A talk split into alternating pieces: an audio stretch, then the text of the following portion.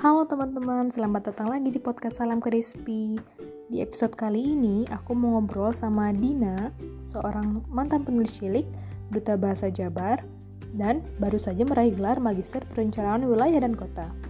Hmm, aku pengen tahu gimana cara Dina membagi waktunya sehari-hari, terus juga apa benar Dina udah langsung lanjut S3 tahun depan. So, dengerin podcastnya ya. Gimana Din? Sekarang makin sibuk dong dari pas S1. Oh, udah beres kuliah kan, tapi rasanya uh, gimana? Iya betul. Beda betul. gitu. Apa malah makin apa ya? Makin sibuk semenjak beres kuliah karena be ya beda sih benar jenis kesibukannya ya. Mm -hmm. Ini kan gimana Din pas kemarin S2 kan baru lulus ya pas Juli ya? Eh, Juni, Mei. Bulan akhir Mei ininya. Akhir Mei ya. Mm itu kenapa akhirnya memutuskan S2 fast track din? Kan sebelumnya kamu juga akse kan SMA-nya gitu. Terus apa emang hobi belajar? Apa gimana din? Uh, kenapa memutuskan untuk ambil uh, S2-nya fast track? Karena uh, dari awal kan emang sebenarnya dari semester 5 6 kali ya udah berpikir untuk ingin lanjut di uh, di dunia akademisi, eh, maksudnya ingin nantinya bekerja sebagai akademisi baik itu dosen atau memang peneliti murni gitu ya. Nah, terus hmm.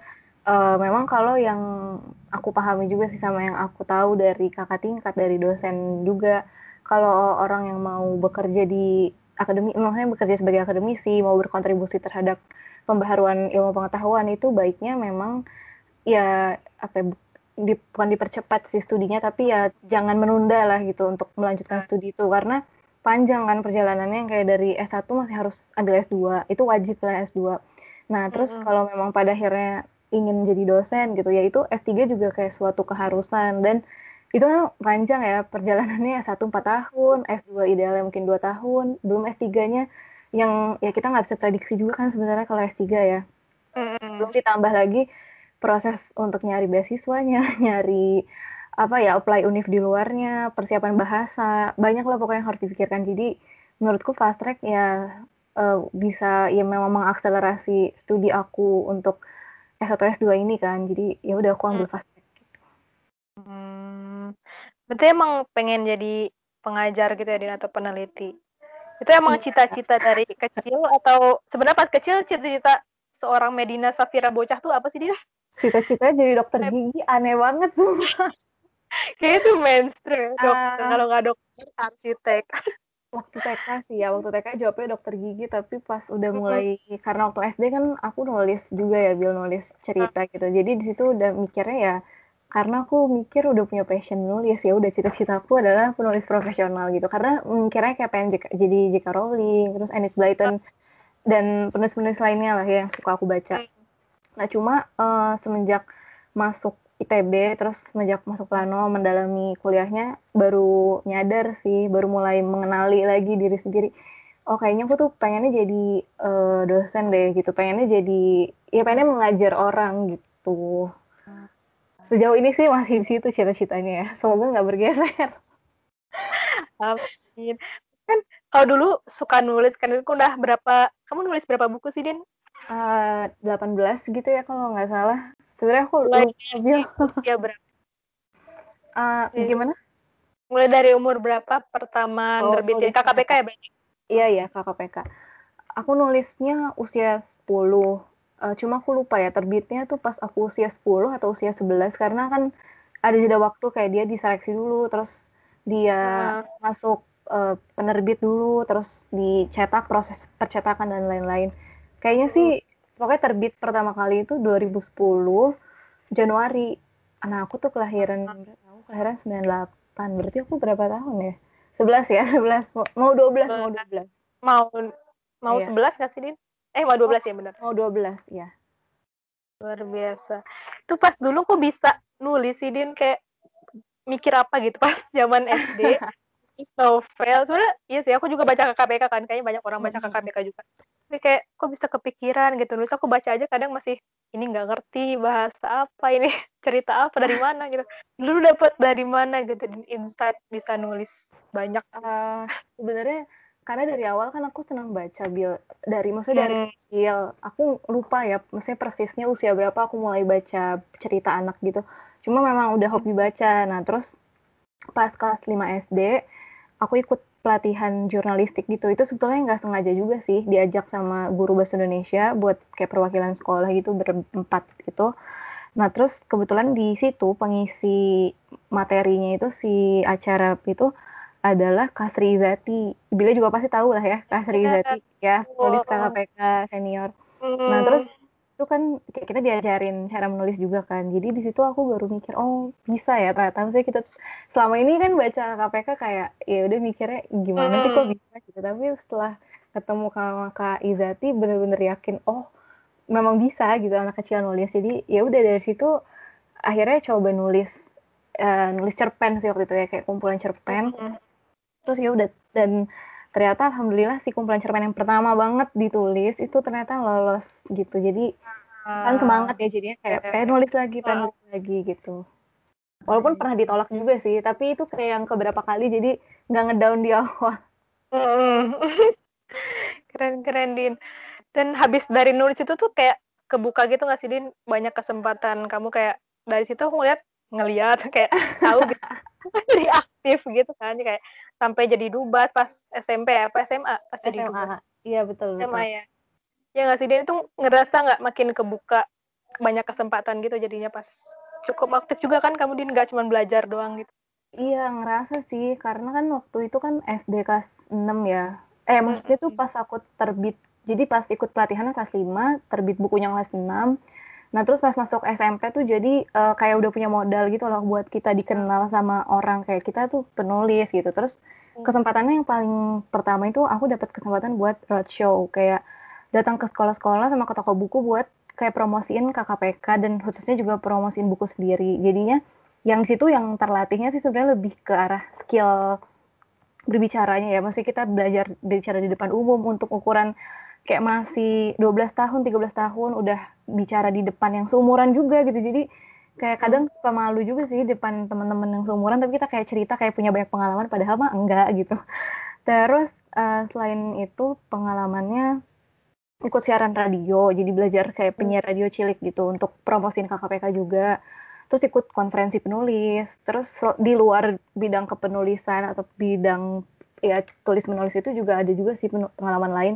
Di 2012 itu aku jadi speaker di TEDx.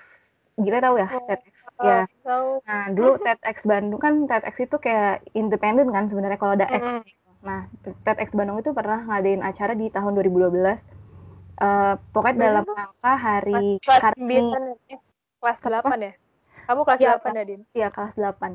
Itu Oh. dalam rangka Hari Kartini. Jadi dia kayak ngambil tiga kategori pembicara, ada children, terus apa ya? Kayak ada dua lagi, cuma aku nggak tahu kategorinya apakah langsung dewasa atau remaja. Mm.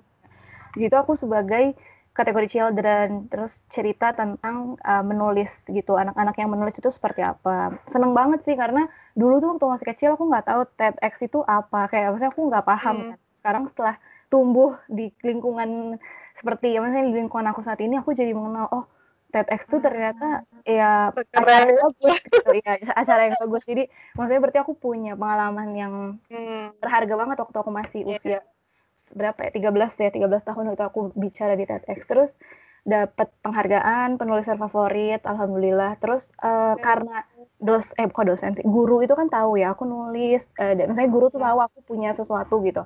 Nah Hmm. jadi kalau ada acara SD SMP itu yang butuh perwakilan biasanya ditawarin juga ke aku kayak kan kamu eh, bisa ini bisa ini gitu. Padahal sebenarnya nggak terlalu nyambung juga sih sama dunia tulis menulis cuma mungkin jadinya tuh kayak guru eh, sedikit eh percaya lebih banyak gitu ke aku gitu jadinya. Waktu itu ikut konferensi internasional eh, konferensi lingkungan gitu sama teman-teman yang lain. Jadi aku pilih karena memang mereka juga eh dos gurunya juga mengenal aku kan.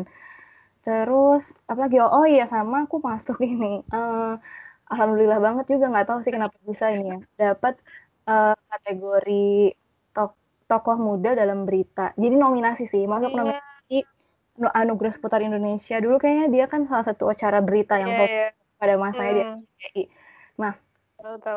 Eh, itu udah jadi saingannya itu kayak Tex Saverio dia desainer yang udah mendunia lah ya Iya. juga terus Rio Haryanto yang pembalap terus Kevin Aprilio maksudnya aku jadi disandingkan sama mereka dan ya memang sih yang menang itu itu Rio ya pembalap itu. Jadi ya waktu pertama tahu yang menang adalah Rio. Itu kan aku datang ke Jakarta. Sedih juga sih tapi pas dipikir-pikir hmm. ya memang apa ya mungkin ini kan jadi pembelajaran aja buat aku gitu. Untuk uh, masuk di nominasi itu aja aku udah seneng banget. Keren banget.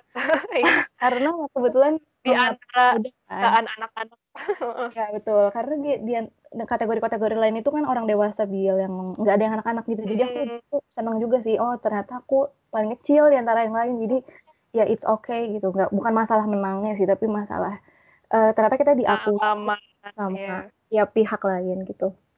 Terus pengalaman-pengalaman lainnya ya jadinya aku semakin tertarik untuk nyoba banyak hal baru ya karena udah punya ibaratnya tuh pengen melatih dan pengen jadi tagih iya jadinya pas di SMA ya udah lanjut yang ikut duta bahasa. Karena itu kan masih ada kaitannya ya sama cara kita berbicara cara kita menyampaikan sesuatu hmm. bahasa yang baik dan benar kayak gitu. Itu kan nyambung sama dunia tulis menulis jadi ya aku ikut juga salah satunya karena udah punya ketertarikan dalam dunia tulis menulis kayak gitu. Terus hmm. ya udah sih kayaknya SMA itu pengalamannya sama ikut ya paling ekskul-ekskul yang memang melatih cara kita berbicara di depan umum ya gitu. SM eh kuliah kayaknya aku nggak terlalu banyak. Maksudnya pengalamannya memang terpisah lagi bukan karena aku nulis kalau SMA eh kalau kuliah itu. Benar-benar. Dan menariknya Dina tuh sibuk dengan tadi segudang pengalamannya dan masuk sekolah itu favorit semua nggak sih Din? Kayak SD di mana sih di aku SD di BPI di BPI BPI oh, di BPI Iya. Yeah. terus masuk ke lima terus tiga terus ke ITB gitu. Terus kayak kok bisa sih Din? Gimana sih manage waktunya gitu? Dina tuh emang udah terdewa banget kayak manage waktu tuh. Ya Dina Safira adalah panutan semua orang ya kayak sibuk kan sibuk banget. Dan tapi mm-hmm. akademisnya tuh tetap jalan dan tetap bisa nomor satu gitu. Gimana sih Din? Coba tips and trick ah, karena ini ya ya berarti ya. di SD kan mau eh, anak SD gitu dengan banyak kegiatan tapi bisa tetap yeah. belajar juga. Itu gimana Din? Sebenarnya dari SD tuh jadi kan ini pertanyaannya sama persis sama yang orang tanyain kalau aku lagi hmm. roadshow di sekolah. Waktu masih SD juga ditanyain kamu gimana sih bagi waktunya? Gitu kan kamu uh, apa masih SD dan itu kan kelas 6 ya kayak gitu loh. Iya, itu ya mau mau ujian ujian praktek ujian sekolah ujian nasional terus udah gitu kamu masih nulis. Nah terus mm-hmm. ya jawaban aku sebenarnya sederhana sih. Aku selalu prioritasin akademik dulu. Jadi uh, sesibuk maksudnya sebanyak apa pun urusan aku di luar akademik akademik ini tuh harus selesai dulu. Karena memang mm. prioritas nomor satu kan akademik ya akademik for, eh, pendidikan formal. Nah kalau udah beres baru boleh uh, misalnya menulis atau misalnya bermain, maksudnya melakukan hal-hal di luar belajar atau misalnya ikut kegiatan yang menyita waktu misalnya kayak sampai dua hari tiga hari kayak ikut uh, konferensi ikut uh, ya kegiatan-kegiatan itulah yang mengembangkan si soft skill aku gitu nah uh, cuma seiring berjalannya waktu misalnya itu kan jawaban yang normatif banget sebenarnya pasti orang-orang juga mikirnya ya ya memang kayak gitu gitu harusnya. Cuma ya memang gitu gitu. Maksudnya yang aku terapkan juga memang gitu gitu. Nah cuma seiring berjalannya waktu masuk SMP SMA kuliah tuh kan kesibukannya banyak banget. Maksudnya beragam gitu. Ada yang uh, kesibukannya tuh bukan cuma nulis dan apa namanya dan belajar di sekolah tapi kemahasiswaan terus uh, ya misalnya ekskul terus organisasi yang kayak osis atau semacam PK terus kalau ikut lomba misalnya nulis terus ikut kegiatan lain lagi ikut ya belajar ya banyak lah kegiatannya. Nah itu aku akhirnya mulai menyadari gitu uh, selain kita memprioritaskan akademik ada strategi lain gitu yang harus diterapkan itu kerja itu kita harus efektif dan efisien gitu. Karena uh, hmm. misalnya kita tahu nih ya dalam tujuh hari eh dalam satu minggu kita cuma punya tujuh hari da dalam satu hari kita cuma punya 24 jam. Waktunya nggak bisa ditambah tapi kerjaan kita tuh nggak bisa dikurangi gitu. Jadi kerjaannya terus yang bertambah. Nah artinya menurutku ya kalau kita mau menyelesaikan semua itu ya kita harus efektif dan efisien dalam mengerjakannya. Art, uh, contohnya misalnya uh, aku pasang target gitu. Misalnya aku akan bikin jadwal untuk minggu untuk tujuh hari lah ya kita pakai hmm. planner gitu karena terbiasa dari dulu itu aku pakai daily planner jadi harus ditulis agenda aku tuh apa hari ini jam segini apa itu aku ditulis Nah, dengan menuliskan seperti itu tuh secara tidak langsung mendisiplinkan diri kita untuk memenuhi apa yang kita ingin capai gitu. Tapi nggak usah terlalu banyak juga nulisnya. Misalnya hari Senin targetnya belajar mata kuliah A, terus ketemu sama himpunan B, terus C-nya ngerjain lomba, misalnya kayak gitu. Ya udah. Benar-benar detail per jam gitu ya, Din? Iya betul di, di detail per jam. Terus uh, apa? Tapi nggak usah kayak misalnya aku maunya belajar mata kuliah A, B, C, D, E, terus ketemu himpunan A, B, C itu kan terlalu banyak kan. Justru kalau terlalu banyak kita kayak bikin target yang nggak akan tercapai gitu menurutku yang nggak usah terlalu optimis tapi ya lebih realistis tapi jangan pesimis gitu menurutku 3 sampai 4 agenda per hari itu udah cukup. Nah, terus gimana caranya biar memastikan si agenda per harinya itu tercapai gitu. Karena kan waktu kita terbatas. Nah, kalau misalnya kita mau kerja, ya dijauhkan dari segala sesuatu yang mungkin mendistraksi kita. Karena nggak uh, bisa kita pungkiri juga sih kalau sekarang banyak banget yang uh, terdistraksi karena misalnya media sosial atau temennya ngajak ngobrol terus akhirnya keterusan. Terus uh, hmm, udah deh. eh tapi tidurnya iya. kebablasan. Terus uh, ternyata kerjanya cuma lima menit tidurnya lebih dari itu kayak gitu. Nah aduh aku masih tersindir aduh aku gak bermaksud loh Bill maaf ya sebenarnya uh, yang paling simple tuh buat aku karena kan aku nggak suka tidur siang ya Bill orangnya jadi hmm. yang mendistraksi aku sebenarnya media sosial Nah, jadi dijauhin aja HP-nya. Misalnya uh, aku kerjanya di ruang kamar gitu, misalnya di, di kamar. Nih HP-nya ditaruh di depan atau di ruang TV atau ya dijauhkan. Nggak harus sejauh itu sih, bisa juga ditaruh di kasur yang emang agak dalam gitu udah tempatnya. Jadi memang tidak terjangkau sama kita. Atau dimatiin di airplane mode atau kalau airplane mode mungkin terlalu riskan ya. Takutnya ada orang tiba-tiba butuh kita uh, ada kabar mendesak kita harus angkat dan semacamnya. Ya udah dimatiin aja paket data tapi jangan di airplane. Terus uh, atau nggak usah dimatiin paket datanya nggak usah dimatiin uh, ya saya nggak usah di airplane mode juga. Tapi kita matiin WhatsApp sama lain di uh, apa laptop ya karena kan kita kerja pakai laptop. Karena yang notifikasi yang nggak sengaja muncul yang biasanya itu yeah. mendistraksi kita sampai berjam-jam gitu. Akhirnya kita chat terus sama ini gitu. Terus jadi eh udah deh sekalian lihat-lihat yang lain lihat-lihat YouTube terus lihat yeah. Shopee lihat-lihat media banyak lah. belok belok ya. mana ya kayak gitu itu sih sebenarnya ya itu aja sih Bil kalau yang aku apa kalau yang aku lakuin dan sebenarnya uh, mungkin orang juga nanya terus kalau misalnya setiap hari kita kayak kerja mulu ngeset berapa agenda harus selesai emang nggak jenuh gitu kan ya iya apa kita juga Gimana tuh, uh, jenuh dong gitu. Nah, biar semua apa ya, biar semua itu semakin efektif dan efisien, harus banget kita tuh kayak reward uh, diri kita sendiri gitu. Misalnya uh, misalnya aku punya pekerjaan yang sulit banget hari itu. Terus setelah aku menyelesaikannya ya udah aku misalnya beli minuman yang aku suka atau misalnya nonton drama satu episode gitu nggak apa-apa. Itu kan udah sebanding sama pekerjaan yang memutar otak apa ya fungsi otak kita benar-benar dioptimalkan gitu dalam berjam-jam sebelumnya.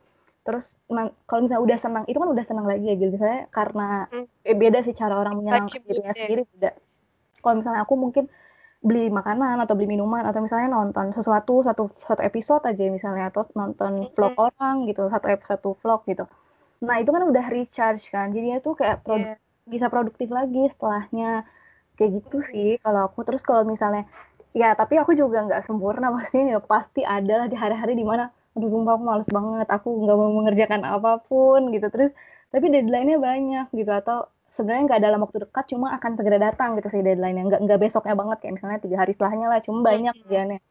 Misalnya hari itu kayak ya udah deh nggak apa-apa hari ini eh, nggak uh, ngapa-ngapain tapi besok harus diganti gitu. Iya. kayak gitu sistemnya. Gitu sih ini yang bisa aku ceritakan. Keren banget sih, Din. Jadi kayak menjaga keistiqomahannya gitu kayak orang yeah. mungkin bukan ke apa nyusun planner gitu kan apalagi pas nyusun TA kemarin gitu. Kayaknya semua orang bikin kayak gitu deh. Tapi kayak uh -huh.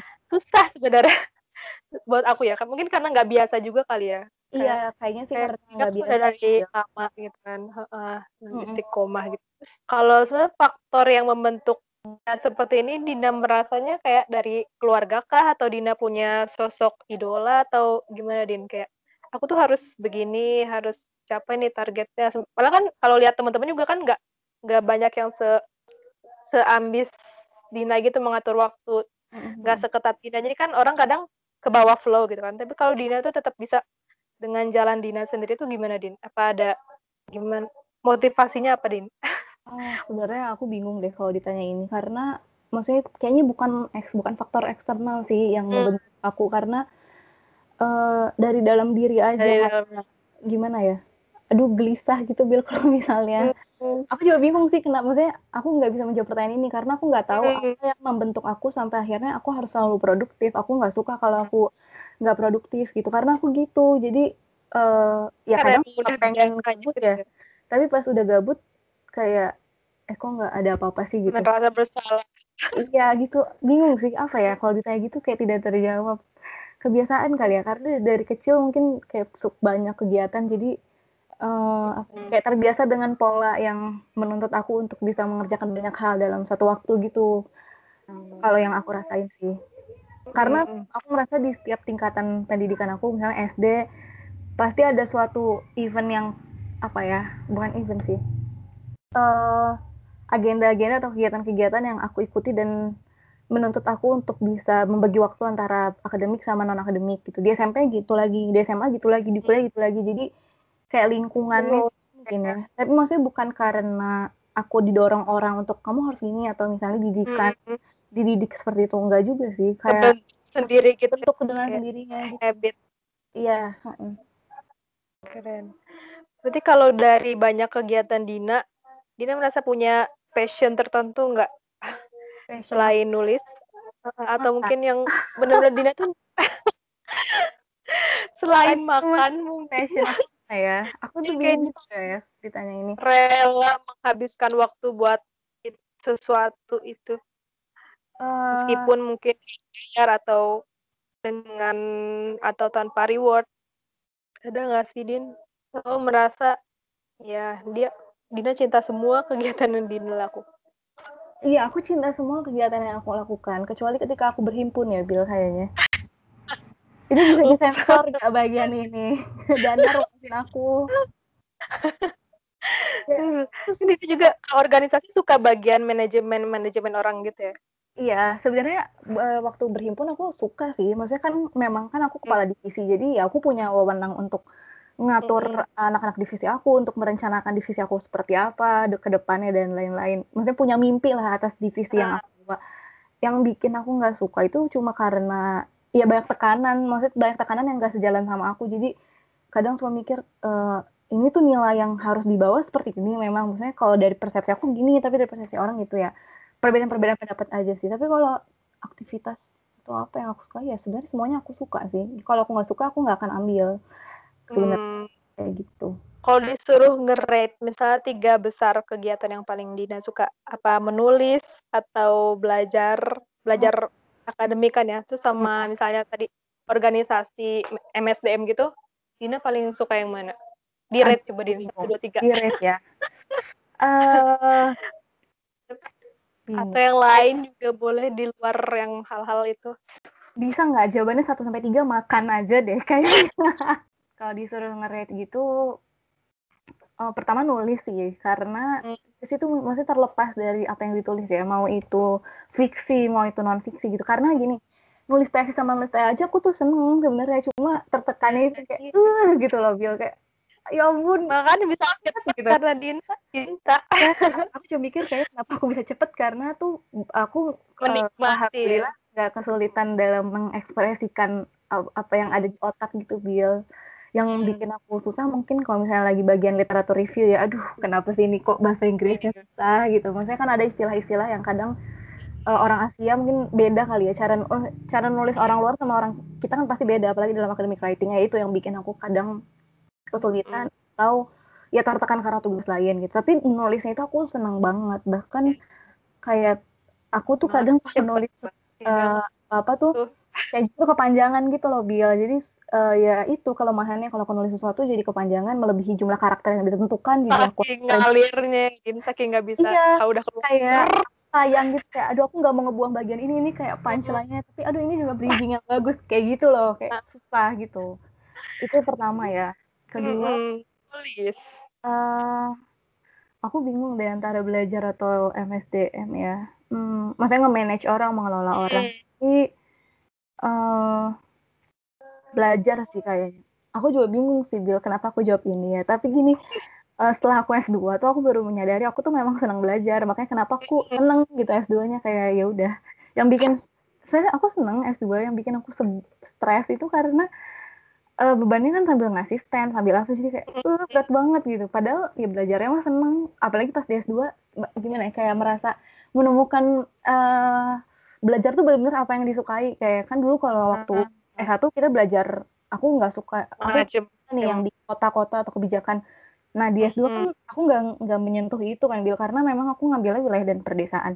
Jadi bener-bener yang ngulik apa yang kita suka itu seneng banget sih. Pas semester 3 aku bener-bener merasa aku seneng banget ambil S2 fast track. Aku nggak merasa menyesal sedikit pun. Sampai ke titik itu semester 3. Ya semester 4 karena banyak bebannya kayak aduh ya ampun capek banget. Tapi tetap seneng sih. Ya, maksudnya kalau misalnya aku nggak seneng tuh aku nggak akan berusaha untuk mengeluarkan semua kemampuan terbaik aku Bil gitu. Kalau di S2 itu aku bener merasa dapat kesempatan untuk bisa uh, apa ya mengeskalasi kemampuan diri sebaik hmm. mungkin gitu. Terus yang ketiga ya mengelola apa ya mengelola iya mengelola manusia bukan mengelola apa sih mengatur manusia ya kayak gitu. mengorganisasi. Iya mengorganisasi. Serunya ini seru sih. apa suka dukanya gitu mengatur orang kayak di ini kan lihat pengalaman dari mulai unit juga kan ya. di US juga MSc ya. terus pas PK juga mungkin yang paling hmm. seru dari ngatur orang apa sih, Din? Oh, paling seru dari ngatur orang kita bisa ngatur jadwal. Ah. Karena kan dalam organisasi pasti kita punya timeline ya. Misalnya dalam satu tahun kita harus ngapain aja atau misalnya ya nggak usah yang jangkauan nggak usah jangka panjang deh. Misalnya satu bulan itu kita mau ngapain aja, ada agenda apa aja. Nah, tapi kan aku juga punya banyak kegiatan yang lain nih, misalnya di selain organisasi itu. Nah, gimana caranya biar semua bisa jalan? Nah, aku tuh harus punya kendali di situ berarti supaya tidak bertabrakan jadwal-jadwal aku gitu. Nah, cuma nggak sih, maksudnya aku nggak sampai yang kayak di semua tempat ngejabat dalam waktu yang bersamaan. Kayaknya justru nggak pernah sih ngejabat dalam waktu yang bersamaan. Cuma setidaknya aku pegang kendali di salah satu yang aku jalani. Itu yang paling seru sih itu menurut aku ya. Terus hmm. Hmm, kalau dukanya nggak enaknya sesuatu gitu ya kayak kan karena aku dihadapkan pada banyak orang terus aku berpikir oh kayaknya uh, orang ini cocok di sini, orang ini cocok mm -hmm. untuk megang ini, kayak gitu-gitu kan sebenarnya seru juga sih. Jadi mm -hmm. mengenal karakter yeah. teman kita Psikolog atau gitu adik ya. kita, iya. Sama apa ya? Uh, sukanya itu ya, dukanya karena kadang kan uh, ini apa namanya? Uh, karakter orang kan beda-beda. Terus apalagi mm -hmm. Sebenarnya awalnya tuh ya sampai sekarang tuh masih kayak mudah terpancing gitu loh bil emosinya. Dan mudah ter apa terlalu mudah terbawa perasaan juga kan kadang. Jadi kalau dikritik dikit kadang ih kok gitu sih? gitu. Kadang aku suka gitu. Cuma ya ternyata setelah banyak belajar di ITB jadi bisa lebih menerima sama yang namanya kritik kan. mm. Uh, atau misalnya orangnya ada yang nggak bisa diatur gitu. Ada kan pasti orang yang kayak gitu. Kita kayak gimana sih caranya yeah. biar orang itu mau jalan gitu. Maksudnya biar kita tuh bisa tetap jalan walaupun dia kayak gini. Ya, ya. Atau misalnya ya nggak nggak nurut orangnya. Ya gitulah kan ngatur orang beda-beda ya orangnya. Yang kayak gitu sih tantangannya. Cuma ya seru karena seneng aja ketika pada akhirnya orang-orang yang kayak gitu jadinya seakan-akan ngikutin apa yang kita inginkan. Uh, oh kita merasa menang sama diri sendiri punya kendali gitu ya di iya, orang-orang kita bisa ngatur beneficial juga ya buat kitanya juga sebenarnya bisa gimana caranya kita tetap untung tetap bisa kerja banyak kerja tepat tapi nggak nyusahin orang juga gitu. Iya, betul. Oke, oke. Terus, tidak tulis apa ya? Kalau uh, pas sekarang nih, Din, pas udah hitungannya udah masuk dunia kerja kan ya, kayak uh, iya. kangen gak sih ngelakuin hal-hal di luar hal-hal yang tadi kayak organisasi, terus nulis lucu-lucu gitu. Hmm. Pengen balik lagi nggak di nulis-nulis fiksi misalnya atau pengen oh, masuk organisasi sih. apa gitu hmm. kalau nulis pengen banget karena kan udah lama ya bilang nggak nulis sebenarnya aku udah vakumnya juga udah tunggu aku berapa tahun berapa dari terakhir tahun berapa di terbitan? Nah aku juga lupa tahun terakhir itu 2018 apa 2000 berapa yang aku terbitin hmm. buku itu. Karena yang terakhir itu kayak antologi gitu jadi aku bareng penulis lain. Jadi kadang kalau yang bareng penulis lain aku nggak terlalu inget persis detailnya ya karena kan ada banyak hmm. uh, penulis di sana. Aku itu nulisnya berempat. Seingetku 2018 terbitnya apa 17 gitu. Jadi udah tiga tahun empat tahun lah aku nggak nulis yang fiksi ya kangen sih nulis kayak gitu kalau sebenarnya yang bikin kangen kalau lihat uh, misalnya kan aku follow Instagramnya KKPK gitu ya terus lihat banyak Hmm. penulis yang kayak kecil-kecil yang baru-baru Ih, pengen Hmm. banget deh nulis lagi gitu kayak aduh pengen kembali ke masa-masa di mana aku masih bisa menulis cerita gitu itu ya pengen terus kalau organisasi hmm, biasa aja sih karena udah kayaknya udah sangat cukup ya pengalaman organisasi. Udah buat jatuh bangun banget selama kemarin di plano Hmm. sama organisasi. Jadi ya udah cukup sih menurut aku. So- eh, ya kalau kangen-kangen sama momennya pasti ada. Cuma kalau untuk ada di posisi itu lagi netral lah. Hmm, ya kalau ada kesempatan sangat senang. Tapi kalau nggak ada kesempatan juga Polit- ya udah gitu. kenapa? Tertarik politik. Oh aku nggak sih. Sama sekali negara bukan Awalnya manusia lah. berpikir ya eh, kayaknya oke nih kalau misalnya aku misalnya megang jabatannya apa gitu gitu. Kalau misalnya di dalam negara. Terus aku berpikir tuh kayaknya nggak deh. Kayaknya aku kurang cocok di yang bidang seperti itu. Selain itu aku nggak mau juga sih. Nggak suka kayaknya. Hmm, karena paling pressure lebih tinggi lagi. Iya betul. Pressure lebih tinggi lagi dan ya nggak tahu sih Bel takut aja sih kalau aku. Serem nggak sih sebenarnya? Heeh. ya banyak eh, gitulah nggak tahu ya. Mungkin terlalu sensitif kalau dibahas di sini. Yang paling bikin aku kangen sih belajar Bil sebenarnya. Maksudnya belajar yang benar-benar kayak kita duduk sebagai mahasiswa terus dosen jelasin terus kita pengen explore hal-hal yang kita belum tahu gitu. Karena setelah akhirnya melepas si title mahasiswa tuh kita kayak udah kan udah dianggap tahu udah dianggap bisa udah Iya. dianggap benar. Jadi kadang aduh kangen deh masa-masa kayak gitu. Padahal baru berapa bulan ya dan kerjaan aku kan Mm. sebenarnya masih di lab yang masih satu lah sama aku waktu kemarin. Tapi tuh kangen banget yang kayak beneran eh, kan aku juga jadi asisten mata kuliah kan mata kuliah yang non studio. Jadi yang ikut dengerin dosennya aku kangen banget. Ya ampun kayak gini ya kalau kita dengerin apa dengerin eh, dosen jelasin Oh. seneng banget gitu. Kayak eh, kayak karena menurutku jadi mahasiswa enak banget sih kayak Hmm, kita kayak dapat ilmu sebanyak itu dari dosen-dosen yang udah punya, punya banyak pengalaman kan. Jadi rindu benar-benar aja di eh, apa masa-masa kayak gitu. Karena menyenangkan aja gitu ngulik-ngulik sesuatu gitu. Ya sekarang Nanti ada rencana S3 ya Din? Ada dalam waktu sih, dekat. aduh doain aja ya. Pengennya sih ada targetnya sih. Eh maksudnya sedang ditargetkan cuma Hmm. masih banyak yang dipertimbangkan dulu sih. Sekitar enam bulan ke depan lah kayaknya masih banyak yang dipertimbangkan eh enggak enam bulan tahun tahun. Teman-teman kayak dia udah di Belanda mungkin ya atau di aduh amin Inggris. tapi kayaknya enggak tahun depan deh karena banyak yang disiapin kayak proposalnya belum disiapin terus eh, beasiswanya kayak gitu-gitu kan masih harus disiapin kan cuma ya pengennya sih nggak lama dari lulus S2 biar nggak usah terlalu jauh gitu jaraknya Keren keren. Semoga lancar ya Din. amin sebelum-sebelumnya insya Allah lancar lah Dina mah. amin amin ya Allah Terus kalau misalnya kamu diminta nih Din, misalnya kamu suruh ngomong ke Medina Safira sebelum mulai nulis KKPK, kamu ada apa, mau nyampein apa gitu ke Dina yang dulu? Oh, Apakah harus gimana? Atau harusnya lebih banyak lagi nulisnya? Atau justru harusnya kamu coba ini atau gimana?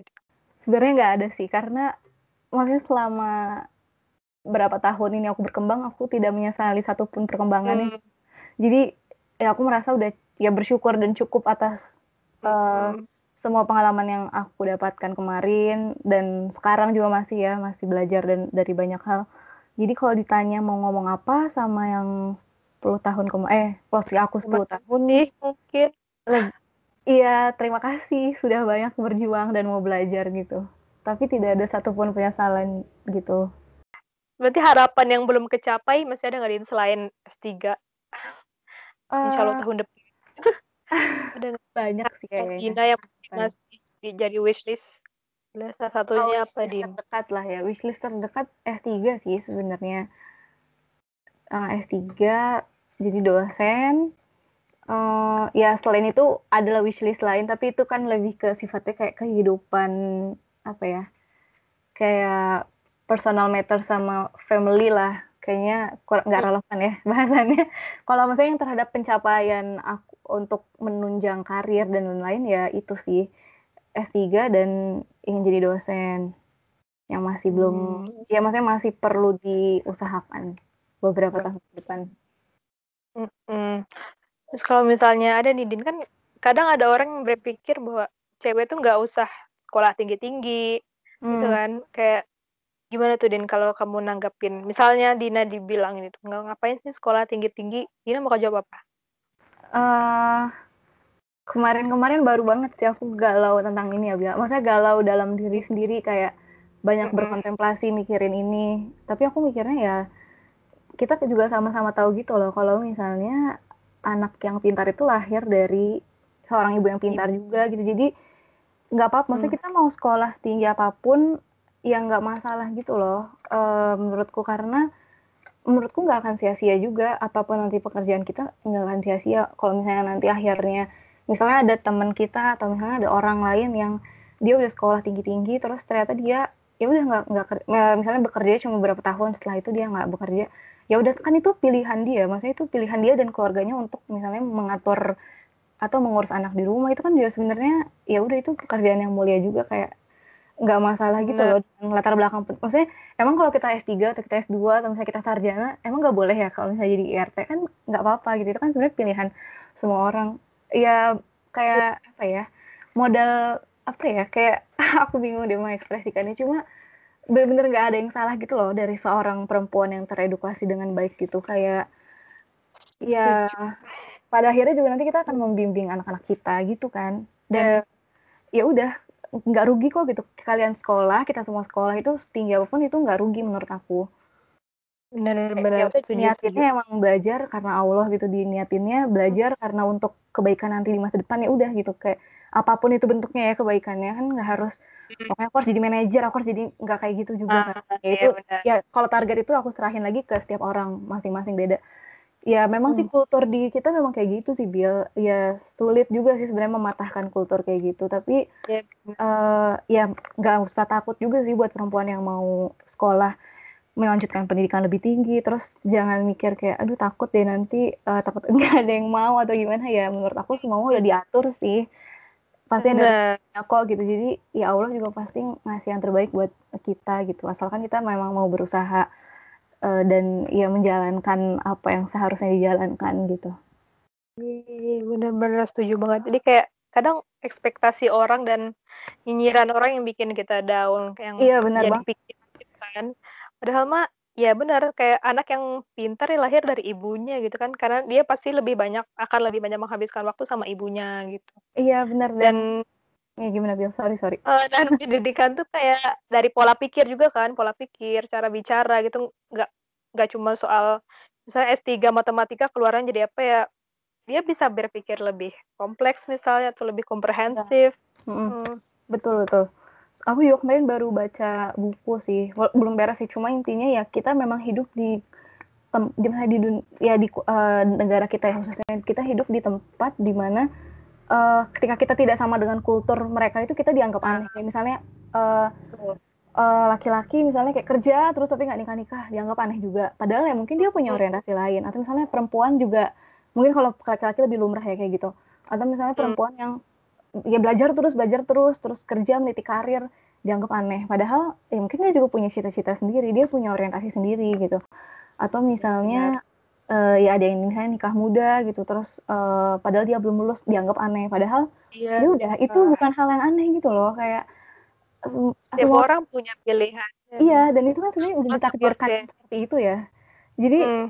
kenapa harus dipermasalahkan gitu. Jadi ketika kita hidup tidak sesuai dengan kultur yang ada, yang yang mana sebenarnya kultur ini tidak dibenarkan oleh siapa pun, kita dianggap aneh, kita dianggap jadi didiskriminasi secara tidak langsung sama uh, sistem yang ada di sekitar kita gitu. Bener sih aku setuju kayak Benar-benar. uh, relate banget apalagi sama ya seusia kita ya bilang kayak misalnya Hmm. ya baru, baru setahun uh, teman-teman yang angkatan kita mungkin baru setahun dapat pengalaman Iya. kerja terus ya mulai uh, mengalami krisis terus kerja nggak sesuai passion dan lain-lain ya Ah, mungkin memang itu yang mereka inginkan atau misalnya memang untuk saat ini yang bisa diusahakan baru sampai situ gitu kan masih panjang Hmm. perjalanannya gitu kayak gitu. Karena aku juga mulai merasa ya pun setelah lulus dari IT maksudnya setelah lulus dari S2 ini uh, banyak banget sih yang yang dipikirin. Dan pas baca Iya, buku tuh oh iya bener banget sih kita hidup ya kita terlalu takut sama sistem sosial yang ada di sekitar kita gitu kayak men, apa ya ya ngejudge kita gitu kalau jadi kalau misalnya kita beda sama mereka. Padahal nggak apa-apa sebenarnya. Betul betul. Kayak tinggal kuat-kuatan mental sama ya prinsip kita aja gimana gitu kan. Kan orang mah akan tetap menilai kita terlalu pintar dinilai kita terlalu males atau kita terlalu rendah pencapaian dinilai juga. Orang Ya, paling betul. bisa gitu gitu. Baiklah mungkin ada pesan-pesan closing statement din buat teman-teman yang mungkin ingin juga bisa apa ya memulai punya mimpi-mimpi kayak Dina atau punya target-target apa sih yang harus dilakuin gitu din? Eh, mulai dulu aja sih sebenarnya, simple ya.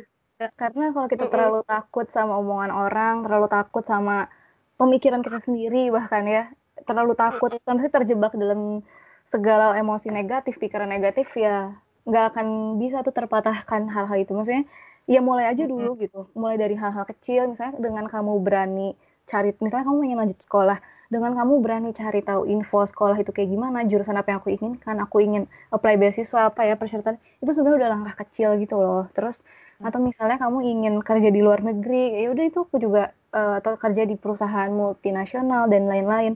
Ya dengan kamu mencari tahu dulu hal seperti itu, dengan kamu punya keinginan kayak gitu juga sebenarnya menurut aku itu udah langkah kecil sih karena ya nggak akan terwujud kalau kalau kita tidak pernah memikirkan itu untuk dilakukan gitu. Kalau cuma kayak ya udahlah mungkin nanti ada takdirnya aku jadi kayak gini. Ya kalau ya memang ada takdir ya, cuma kita tetap harus usaha juga sih. Kurang menyentuh nih Benar kesannya tapi kayaknya itu aja deh. Karena aku juga semuanya ya udah mulai aja dulu gitu kalau aku. mulai dari langkah kecil. Karena Aku Dina nggak mungkin bikin belasan buku kalau nggak bikin buku pertama ya nggak Nah ya, terus aku juga mikir gini, aduh emang pas udah beres S2, bener ya emang aku jadi dosen, nggak apa-apa lah mulai aja dulu udah S2, aku udah S2, nanti kita siap-siap dikit lagi, maksudnya persiapan buat doktoral, nanti misalnya ada jalannya S3, ya udah kan itu semua dimulai aja dulu dari awalnya kayak fast track aja deh gitu, kayak gitu kan. Ya itu semua Hmm. karena kita mau memulai gitu. Dan jangan takut sama orang-orang di luar sana juga. betul betul benar banget Din luar biasa banget insightful dari Jangan gitu, Bil, sumpah aku malu. seorang magister PWK 22 tahun duta bahasa Jabar menulis 18 buku eh keren banget bangga aku teman sama Dina Ya ampun, aku malu banget. Aku soalnya udah lama makasih nggak banyak ya Gak pernah sharing kayak gini, Will. Kayak baru pertama kali aku sharing kayak gini Sharing lagi. itu teman-teman Dina Kenapa? ke penulis KPK Iya, biasanya kan sharingnya sama yang anak-anak kecil gitu ya. Jadi kayak nggak takut kalau ngomong tuh kayak aku bener. kalau ini Ya, baru tahu. dunia nyata Bener. gitu. Jadi serem. Ya, tiap orang kan punya ceritanya masing-masing, Din. Ini ceritanya Dina yang luar biasa. Aduh, semoga bermanfaat banyak ya. Ya, bermanfaat ini. Luar biasa. Masih banyak ya, Dina. Semoga lancar-lancar sampai S3. Ditunggu kabar-kabar bahagianya. Amin, amin.